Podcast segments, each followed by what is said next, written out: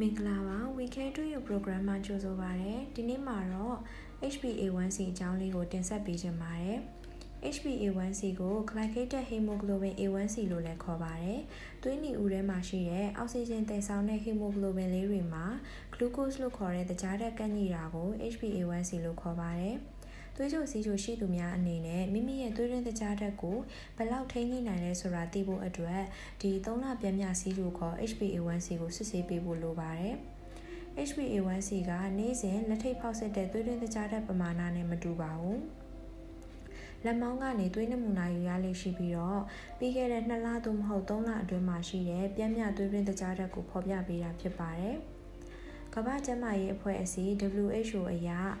HbA1c 6ရာခိုင်နှုန်းအောက်ကိုပုံမှန်လို့သတ်မှတ်ပါတယ်။6ရာခိုင်နှုန်းကနေပြီးတော့6.4ရာခိုင်နှုန်းကိုတော့ကနဦးစီးကြိုလို့သတ်မှတ်ပါတယ်။6.5ရာခိုင်နှုန်းနဲ့အထက်ကိုတော့သွေးကြိုစီးကြိုလို့သတ်မှတ်ပါတယ်။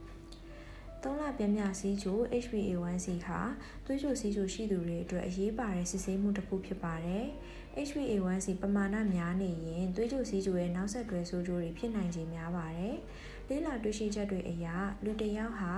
HbA1c 100ရာခိုင်နှုန်းရှော့ချနိုင်တိုင်းမှာမျက်စိတိမ်ဖြစ်နိုင်ခြေ19ရာခိုင်နှုန်းခြေထောက်များဖြစ်ဖြစ်နိုင်ရခြေ43ရာခိုင်နှုန်းနဲ့နှလုံးရောဂါဖြစ်နိုင်ခြေ16ရာခိုင်နှုန်းလျော့ပါသွားမယ်လို့ဆိုပါတယ်။